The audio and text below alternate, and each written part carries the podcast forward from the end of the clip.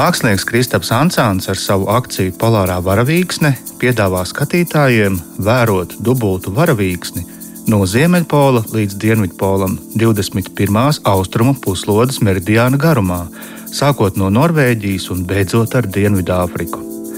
Tas iespējams izmantojot aplikāciju Polar Rainbow, kura bez maksas instalējama gan Android, gan Apple viedierīcēs. 1. jūnijā sadarbībā ar pasaulē lielākās publiskās mākslas platformu pasaulē, Times Square Arts, polārā varavīksne tika izrādīta Ņujorkā, atzīmējot šīs pilsētas praida mēnesi, un guva plašu mēdīju uzmanību. To izcēla arī viena no vadošajām televīzijas kompānijām MSNBC. Tā kā projekts realizēts sadarbībā ar Polijas starpdisciplināro mākslas fondu Bets Zmiana, to 1. jūlijā atklāja Varšavas teātras skvērā.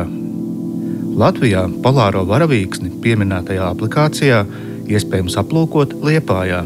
Visprecīzākais datu uztvērums pieejams pie pilsētas domas ēkas. Projektu iedvesmojusi atziņa, ka abos planētas polos dabā nav sastopams varavīksnes, tādēļ lietotne piedāvā aplūkot virtuālu dubulto varavīksni, kas savieno abus polus.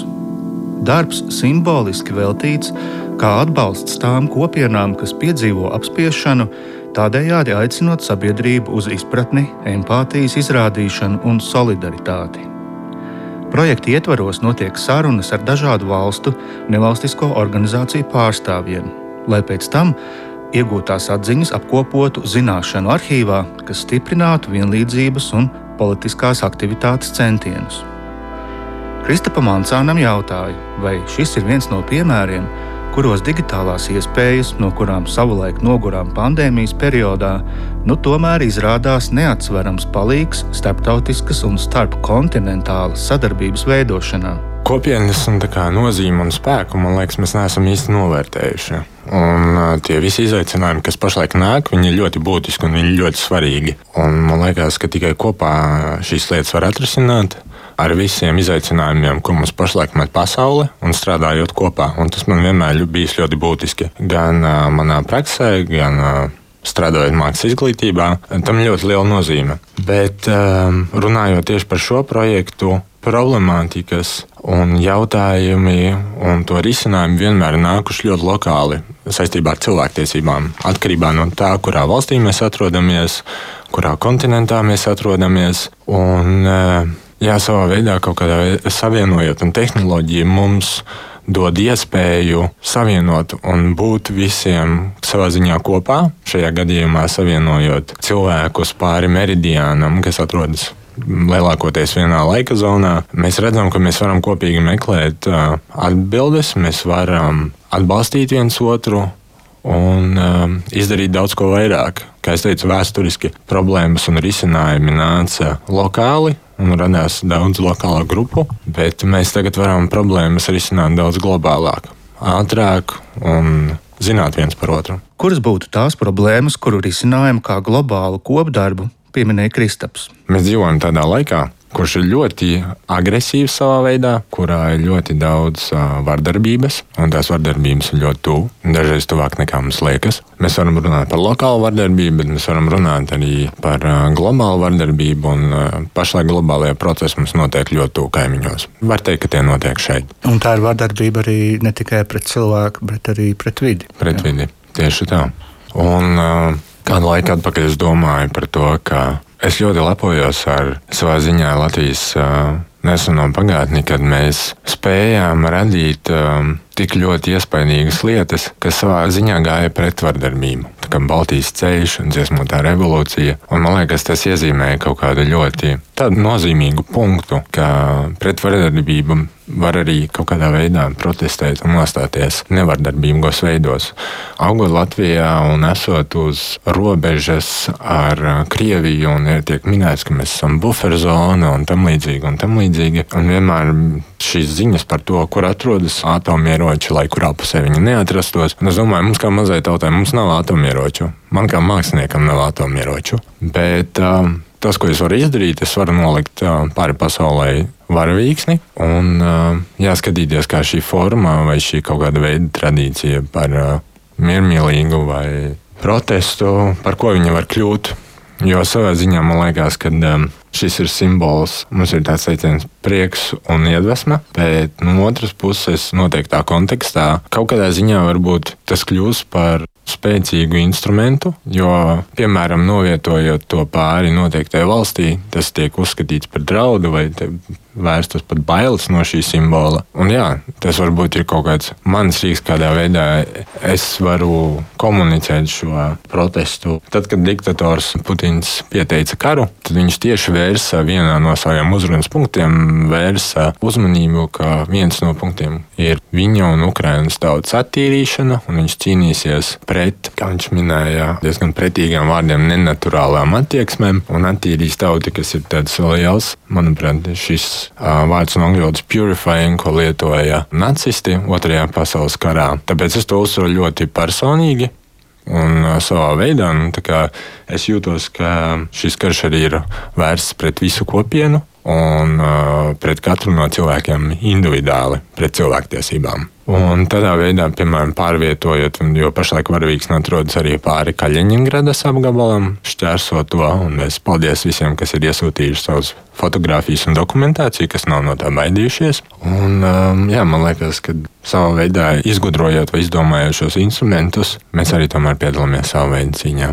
Projekta kuratore ir Korīna Apostola, Tallinas mākslas zāles kuratore, starptautiskā pētniecības projekta Beyond Matter organizatore un šī gada Venecijas Bienāles Igaunijas paviljona kuratore. Vēlos uzzināt viņas redzējumu, kā digitālās mākslas līdzekļi var ne tikai radīt mākslas darbus, bet kalpot kā mediātors sabiedrībai aktuālu problēmu risināšanā. Jāatzīst, ka digitālā māksla tomēr vēl ar vienu ir salīdzinošs jaunums. Tādējādi mēdīja īpatnība var novērst uzmanību no tajā ietvertā satura. I think it depends largely on the context. For example, I'm from Romania originally and I've Manuprāt, visu nosaka konteksts. Es pat esmu no Rumānijas un savu izglītību vispirms iegūtu tur. Šajā periodā nekad netiku dzirdējusi terminu digitālā māksla. Tādējādi man pat nevarēja ienākt prātā, ka kaut kas digitāls varētu būt nodēvējams par mākslu. Manā izpratnē tā bija tēlotāja māksla, glezniecība, fotografija un tam līdzīgi. Kad sāku studēt ASV, tur vārdam māksla piemita pavisam cita ģenealoģija, un es sāku iepazīt digitālās mākslas procesus, kurus veidoja šīs nozares pionieri vēl krietni pirms 90. gadiem. Tātad viss ir atkarīgs no izglītības un tehniskajām iespējām. Protams, Amerikas Savienotajām valstīm augstā kara laikā bija pavisam citas trajektorijas šajā ziņā nekā Austrum Eiropai. Amerikāņu māksliniekiem bija pavisam citas tehniskās iespējas, pieeja informācijai, citi līdzekļi sava sakāmā realizēšanai. Šobrīd interese par digitālo mākslu ir nesalīdzināmi lielāka, bet mēs vēl ar vienu meklējam vārdus un definīcijas, kuras palīdzētu mums šāda mākslas paveida interpretācijā. Tādēļ es pieļauju, ka šis projekts, kuru veidojam, Baltijas valsts iedzīvotājiem varētu likties svešāds. Kaut arī mēs cenšamies risināt sarunas, skaidrot savas ieceres mērķus un vēlmes un varu apliecināt, ka projekta darbības laikā esam sajutuši lielu interesi par polārās varavīksnes ideju, īpaši no nevalstisko organizāciju studentu un pasniedzēju puses. Digitalitātes un virtualitātes sniegtās iespējas ir saistošas arī uzņēmēju darbības un politikas laukos, taču atgriežoties pie mākslas procesiem, vēl ar vienu ir novērojama svārstīšanās par digitālo rīku izmantojumu tajos. Man kā kuratorei Allaži ir bijis svarīgi, lai šo rīku pielietojums mākslā nebūtu tikai pašu rīku dēļ, bet kas ir tas vēstījums, ko autors ar to izmantojumu vēlas nodot. Polārās varavīksnes gadījumā šis izmantojums ir sevi attaisnojis pilnībā. Ja reiz mēs vēlamies īstenot tik plašu geogrāfisku komunikāciju, Mums tas ir jādara ar digitālo rīku palīdzību. Šī projekta nozīmīga daļa ir zināšanu arhīva izveide, kurā krājam norises laikā gūto pieredzi, lai apkopotu jaunizveidojušos kontaktus starp dažādiem digitālās mākslas autoriem dažādās pasaules vietās un, protams, rosinātu jaunu kontaktu tapšanu. Tas ir ļoti svarīgi.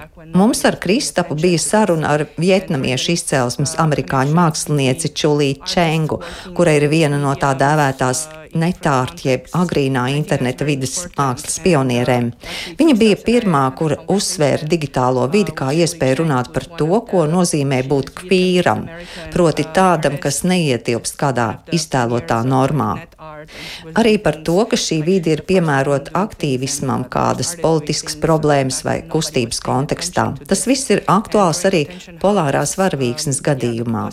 Mākslas lauks ir ārkārtīgi mainījies ne tikai kopš 90 gadiem, bet pat pēdējo piecu gadu laikā par šo citādības, normas neatbilstības tēmu un arī par pilsonisko aktivitāti, kas ar to saistīta, ir jārunā. Tā ir jāpatur dienas kārtībā, un tas nešaubīgi ir jādara ne tikai ar mākslas, bet arī izglītības palīdzību. Un visbeidzot, ir būtiski, lai paplašinātos iespēja izmantot dažādus digitālos instrumentus šī darba veikšanā. Kind of access to these tools that people can use them. Tā kā Korīnas apostolas pieminētais zināšanu arhīvs vēl ir izstrādes procesā, ar pašu polāro varavīksni pagaidām varat iepazīties Google meklētājā, ailē ierakstot Polar Rainbow. Un, protams, doties uz liepāju ar tādā pašā vārdā nosaukto lietotni savā vietā runī.